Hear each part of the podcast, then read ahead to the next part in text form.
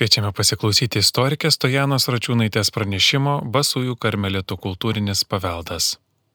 Noriu pakviesti antrą šios dienos pranešėją gerbiamą daktarę Tojaną Račiūnaitę papasakoti apie Basųjų karmelitų palikimą, bet suprantu, kad daugiau iš dailėtyrinės pusės, nes tai yra Vilniaus dailės akademijos humanitarinių mokslų menotyros krypties daktarė ir mums papasakos apie menotyros dalykus. Prašom. Sveiki visi, garbė Jėzui Kristui.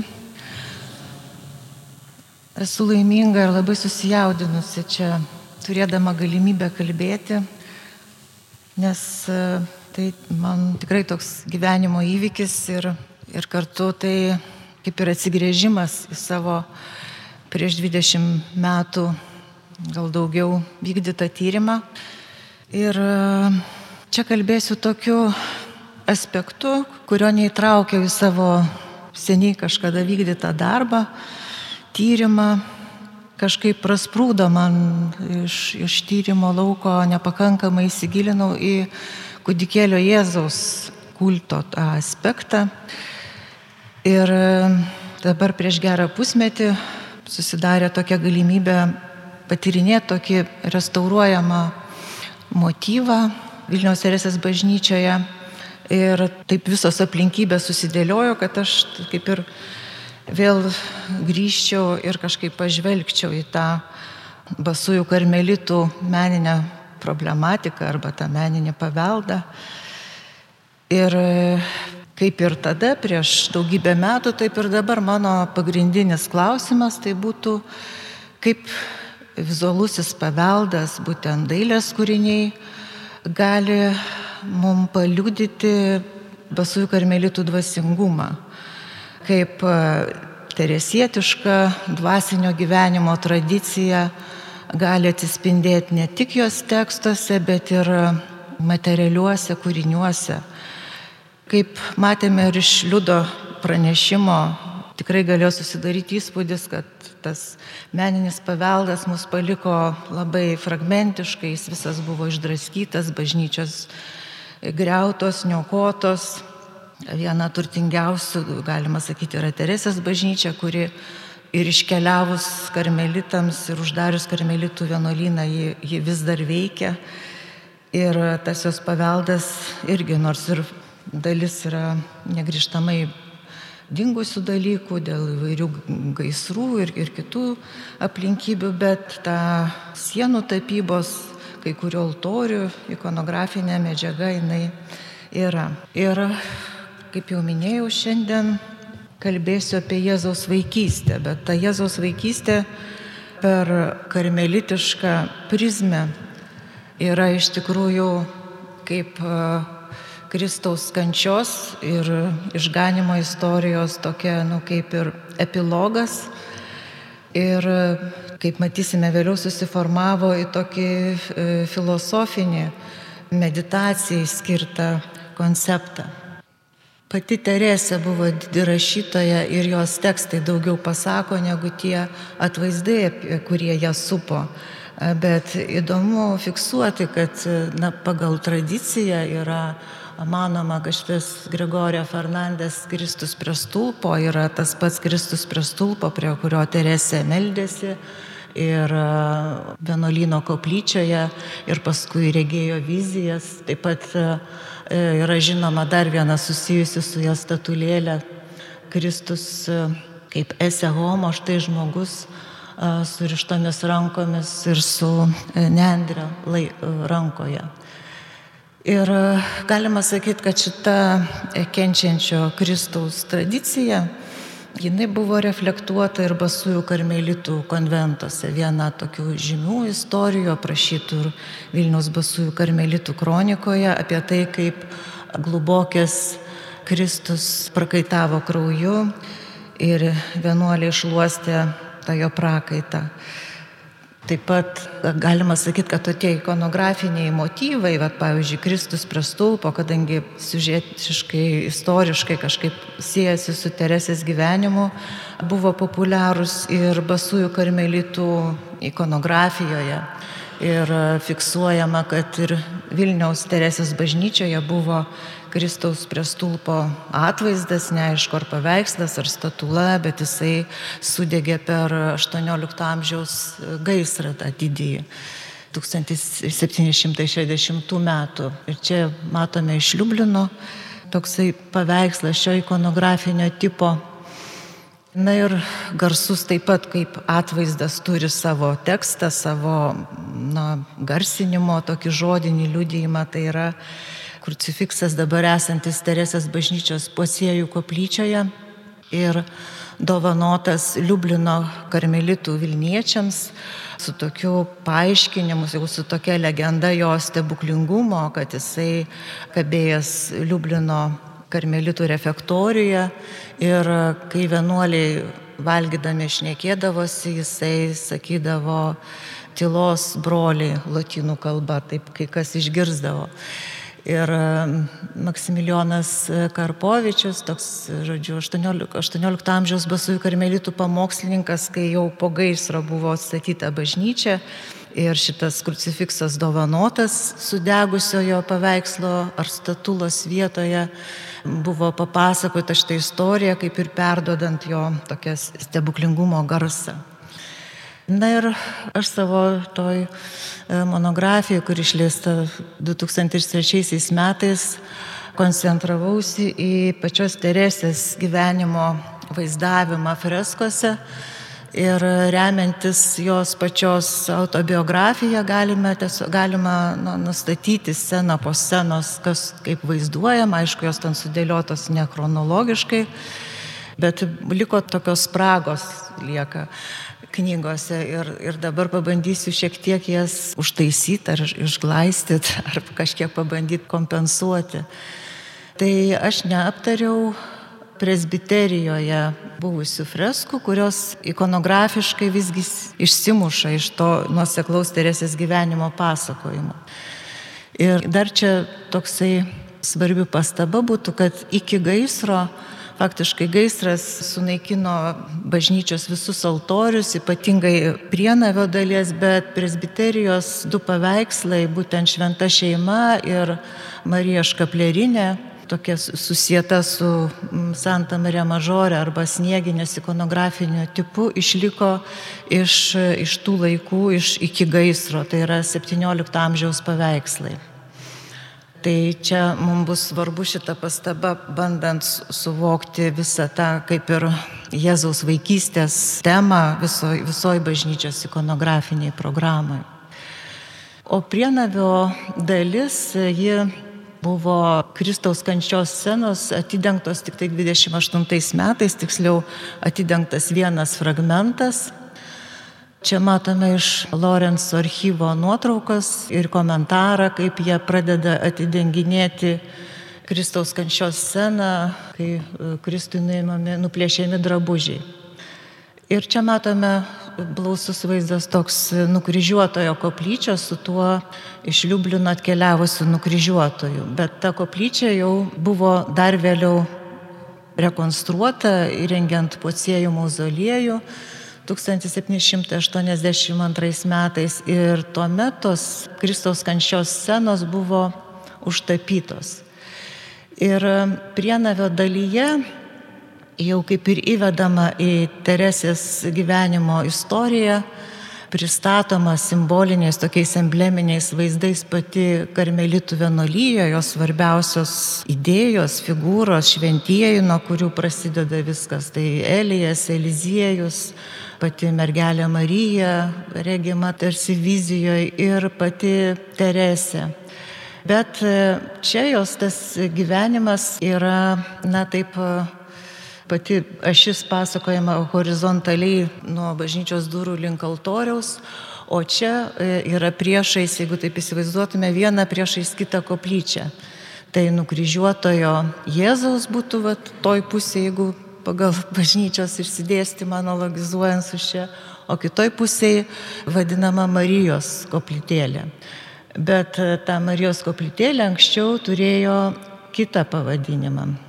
Ir dabar šios koplytėlės kliaute matomas toksai rokailio apsuptas atvaizdas, kuriame Jėzus vaizduojamas vaikystėje nešantis savo kančios atributus arma kristi vadinamuosius - kryžių, jėti, kempinę.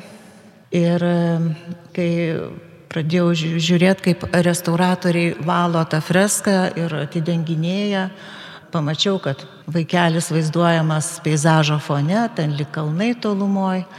Ir restauratorė sako, štai pasižiūrėkite, jis kažką laiko panašaus liki krepšelį, liki kažką. Ir tas krepšelio motyvas mane labai sudomino ir pradėjau gilintis iš vis tą vaikelio Jėzaus ikonografiją ir būtent vaikelio Jėzaus kaip keliauninko ikonografiją. E, čia matote Verikso graviūras iš, iš vis 17 amžiaus pradžioje, nuo 16 amžiaus pabaigos, Kristaus vaikystėje vaizdavimas buvo toks kaip Jis buvo labai parankus perteikti alegorinės idėjas, tokio paradoksą, kur, kur mirtis, kančia yra perteikiama kaip pergalė, pergalė prieš mirtį, pergalė prieš nuodėmę. Bet maža to, tas vaikelis su krepšeliu, jisai siejasi su ta kelionės idėja, prie kurios dar prieisiu truputį vėliau. Paskui paaiškėjo, kad visgi Verikso graviūra nėra visai tiksli, kad tas motyvas tai perimtas, bet pati figūra, jinai siejasi su ir Piterio Hoverato graviūra. Ir čia prie jo išvados, kad reiškia Motiejus Laščianskis, Teresės bažnyčios fresko autorius rėmėsi ne tik tai Westerhauto graviūromis, pagal kurias sukurtos visos Teresės gyvenimo scenos, bet ir galbūt ir Roveroto, ir Verikso, žodžiu, visas tos grafika buvo kaip lobis įvairiem vaizdiniam. Ir jos savotiškai perkeldavo, improvizuodavo, jungdavo įvairias detalės. Bet dabar paklaustumėt, o kodėl šitas motyvas toks karmelitiškas? Ar jis buvo būdingas ir, ir kitoms vienuolyjoms? Žinoma, Jėzaus vaikystė buvo apmastoma ne tik karmelitų, labai ji buvo aktuali ir jezuitams. Turime Martiną Hinčą, tokį jezuitų tėvą, kuris išleido 17 amžiaus antroji pusėje netgi specialią knygą apie Jėzaus vaikystę, tokią kaip meditacijų knygą. Bet ir patys karmelitai irgi turėjo savo autorių, kurie tą Jėzaus vaikystę irgi akcentavo, populiarino ir mes dar prie to prieisime. Bet štai tas vaikelio su krepšeliu motyvas, jisai siejasi su Atochos tokiu vaikeliu Jėzumi, tai yra ganėtinai ankstyvas toks atvaizdas, maždaug 15 pabaigos, 16 pradžios, kuris siejamas ir su tuo, kad vaikelis Jėzus yra keliaujantis, dėl to, kad yra pasakojimas toks stebuklas, kad ta toha buvo labai neturtingų žmonių vietoviai, kur būdavo daug pabėgėlių, vargšų atsikėlusių iš kitų.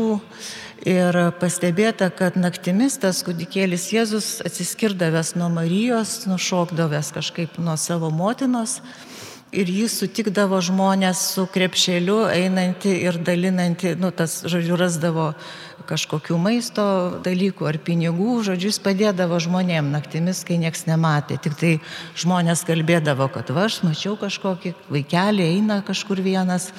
Ir paskui, o ryte vėl jį rasdavo pas savo motina kaip buvusi, bet pastebėdavo, kad susitepusios kojytės, urbeliai susiplėšė ir tai liudydavo, kad jis taip keliavęs. Nu, tai va, toks buvo motyvas to keliaujančio kūdikėlio Jėzaus ir jis paskui ilgainiui Ispanijoje prigijo jo vaizdavimas su piligrimo atributais.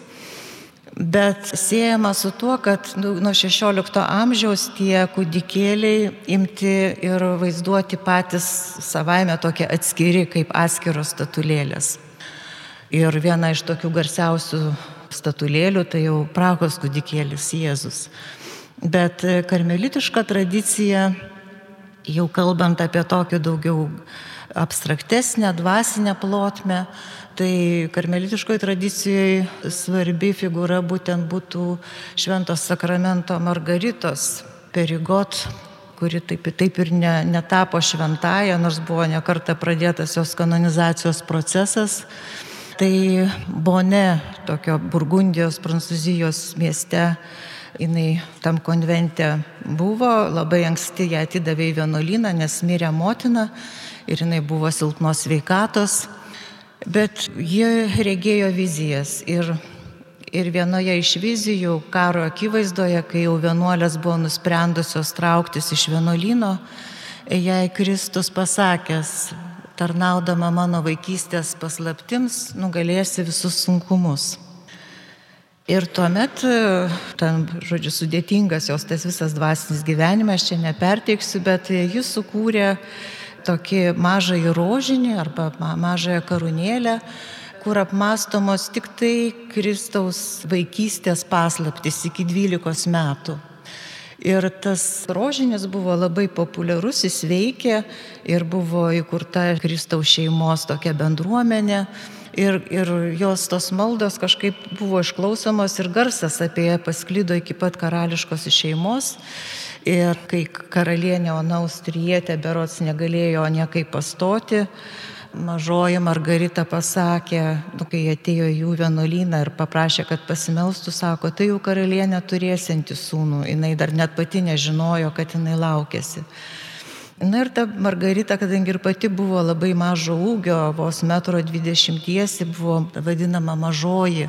Ir tas jos ryšys su mažuoju Kristumi kuris yra labai galingas, buvo toks, na, pasidarė tokiu kaip ir irgi karmelitiško dvasingumo aspektu, galbūt netokiu labai populiariu, bet ganėtinai reikšmingu.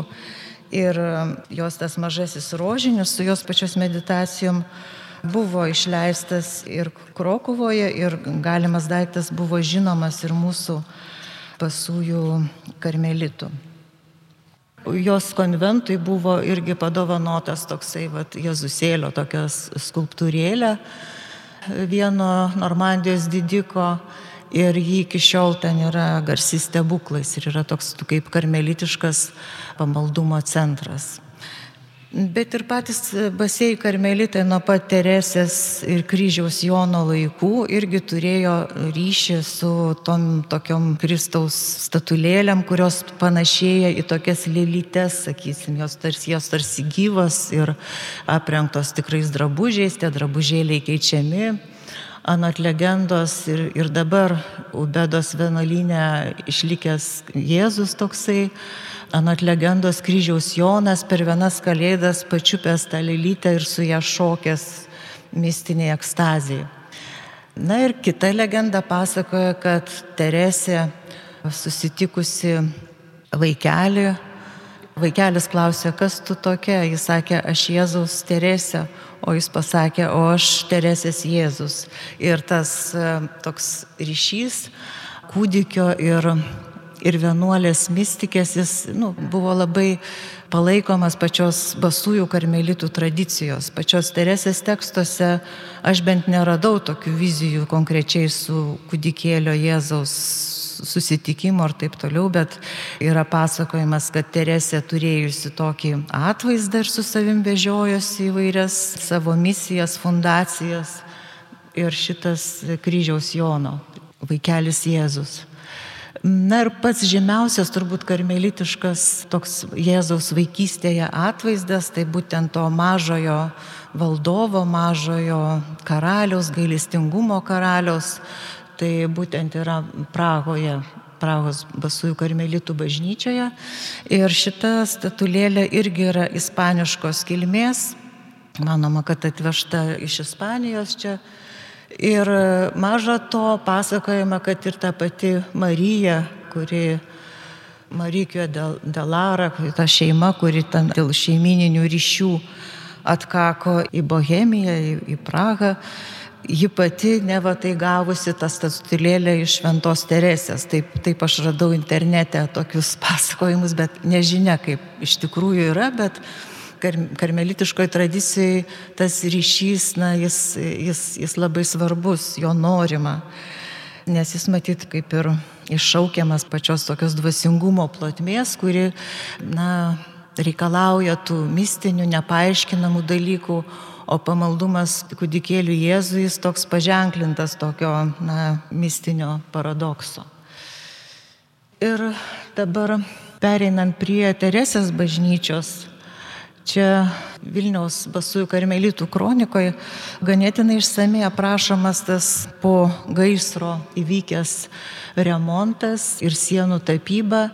Ir akcentuojama, kad e, Jėzaus koplyčia buvo dekoruota Kristaus kančios arba Kristaus pasijų vaizdais. Ir kas svarbu, kad o kita koplyčia buvo pavadinta kūdikėlio Prahos viešpatės Jėzaus koplyčia, kurioje yra viešpatės Prahos altorius, tai reiškia kūdikėlio Jėzaus altorius. Ta koplyčia jau XIX amžiaus vizitacijos aktuose įvardyjama kaip Dievo apvaizdos. Ir pati jos tas stiuko dekoras matosi, kad jisai taikytas būtent šitam titului, nes viršutinėje dalyje matosi apvaizdos akis.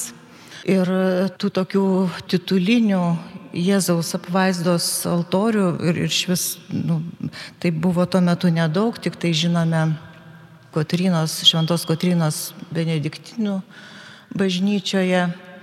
Vėliau koplyčioje kabėjo šitas Vincentos Lenzinskio Marijos paveikslas, gerosios patarėjos paveikslas, kuris dabar yra dingęs iš bažnyčios, o Lenzinskis yra sukūręs jų kelis, yra išlikęs senųjų trakų bažnyčioje, bet jau šitas paveikslas atsirado koplyčioje išėjus karmelitam būtent XIX, XIX amžiaus pabaigoje. Šioje nuotraukoje, kurią aš radau paminklų konservavimo archyve, matyti, va čia gal kodikėlio Jėzaus statulėlę po stiklinių gaubtų, bet e, įdomiausia istorija aš perskaičiau Zahorskio aprašymę kuris rašo, kad statulėlė buvusi labai garsi ir jinai buvo tokia net sujudamom rankom ir akim, bet e, paskui išėjus karmelitams e, ji buvo apleista, kažkur padėta, buvo nuimta nuo altoriaus, laikyta sandėlyje, net buvo apgadinta ir kunigas Franskevičius e, liepė ją sutaisyti ir nusiųsti Krokovos karmelitėms, pildant nuo širdų jų prašymą.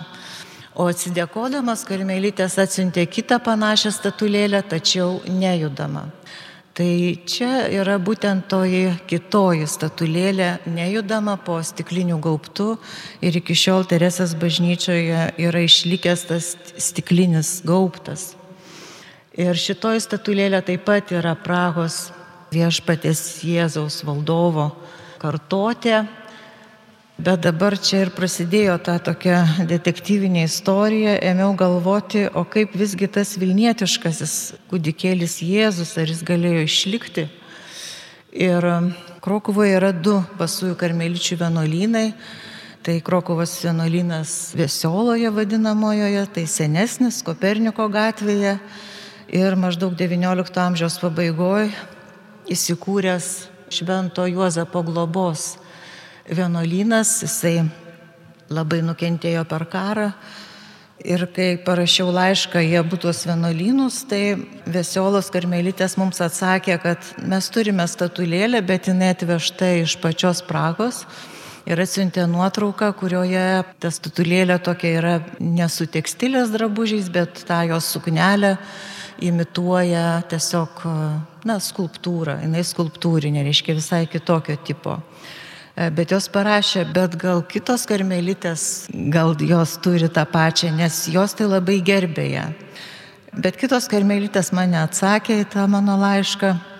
Tai kai buvau čia Krokuvai neseniai, pažiūrėjau, kada ten mišios, tai nuėjau anksti ryte ir iš tikrųjų yra Prahos kūdikėlio Jėzaus kartotė tik aišku nežinia, aš negalėjau patikrinti, ar tos sakytės mirksi, ar tos rankytės kilnojasi, gal tai dar viena kopija, bet kad būtent šitos karmelitės, ko gero, išsivežė tą vilnietiškai apleistą mažai gailestingumo valdovą ir sukūrė savo, savo tokį ryšį, tai akivaizdu. Galbūt net aš, aš taip ir tikiu, nors ne, neturiu tokių svarių įrodymų, kad čia galbūt tas vilnietiškasis kudikėlis Jėzus ir yra. Bet dabar grįžtant prie tos ikonografinės programos, prie to koncepto, matome dvi buvo dvi vienas priešais kitos koplyčios, viena nukryžiuotoja, kita Dievo pavaizdos arba Marijos, kuri e, savo altorijoje turėjo Prahos kudikėlį Jėzų. Ir e, matyti, kaip viskas visgi organiškai ta mintis gimusi kažkurio karmelito galvoje išsipildė ir jis sukūrė tokią atsvarą, tokią kitą ikonografinę ašį, horizontalę, Tai būtent e, nukryžiuotojo Jėzaus ir Jėzaus vaikystėje. Ir pasijų ciklas, freskos buvo organiškai susijusios su, ir su skulptūriniais atvaizdais. Išliko tik tai viena tokia dviguba scena, bet e, baigiant jau savo šitą pranešimą, e, norėčiau padėkoti ir savo kolegai Laimai Šinkūnaitai kai perskaičiau jo straipsnį apie šitos bažnyčios pasijų ciklą ir ryšį su pagrindiniu altorium, Laima Šinkūnaitė įrodė, kad šitas pasijų ciklas įtraukia centrinę nukryžiuotojo figūrą į tą vientisą naratyvą, į tą kryžiaus kelio pasakojimą. Nes čia matome nuplėšiami drabužiai Kristaus nukryžiavimas, paskui guldymas į karstą. Ir tas pats principas matyti buvo turbūt ir, ir Vilniuje.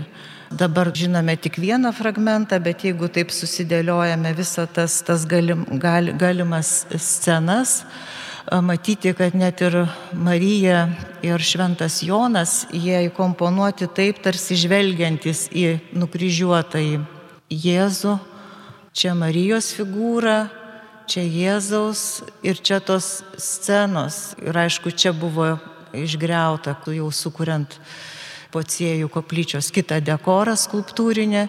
Ir be bejonės šitoje vietoje irgi turėjo būti kažkokia embleminė scena, galbūt tas skulptūrinis stiuko dekoras, kuriame irgi labai išraiškingai perteikiami Kristaus kančios įrankiai, tie arma Kristi galėjo kažkaip sėtis ir su ta kitoje pusėje esančią embleminę sceną. Na ir čia aš lyginu tas apvaizdos koplyčias. Vilniaus Kotrinos bažnyčioje jinai ankstyvesnė, bet e, čia irgi tos figūros skulptūrinės jos padeda atbaigę dalyvauja tame pagrindinio altoriaus atvaizdo, galima sakyti, refleksijoje. Jos vaizduoja, kaip mato, vaizduoja, kaip išgyvena šiuo atveju e, Kristaus kančią. Teresės bažnyčios atveju tos skulptūros, jos e, greičiausiai 20 amžiui perdarytos, jos nėra taip visiškai autentiškos ir patikimos, bet e, greičiausiai sekta kažko tokio ir, ir koks atvaizdas buvo, greičiausiai irgi buvo kančios scenos vaizdas, arba Kristus prie stulpo, arba dar kažkas nes šaltiniai nieko neprašo, rašo, kad tik tai, kad buvusi statulėlė, bet statulėlė galėjo būti ir greta atvaizdo. Arba buvo tik statulėlė, tai, tai čia tokios prielaidos. Na ir apibendrintai, kad tie, tie du Jėzaus amžiaus laiko perskirti atvaizdai bažnyčios erdvėje tampa kaip vienos idėjos segmentai, vieno koncepto dalis ir jie vienas kitą atbaigia. Ir Jėzaus vaikystės tema yra tesiama ir presbiterinėje dalyje, tai būtent Dievo motinos atvaizdas su kūdikiu. Ir šitas nuostabus šventos šeimos paveikslas, turbūt vienas seniausių Lietuvoje, 17 amžiaus, labai prastai išlikęs Dabar jo, čia yra nuotrauka maždaug 30 metų, dabar jo buvis be aptaisų dar blogesnis, net nenorėjau rodyti. O su aptaisais, aišku, atrodo geriau. Tai tiek tie vaizdai gali kažką pasakyti kartais daugiau negu tekstai. bet kita vertus be tekstų vaizdai irgi lieka nebylus. Tai ačiū uždėmesi. Girdėjote istorikės Tojanos Račiūnaitės pranešimą Basųjų karmelitų kultūrinis paveldas.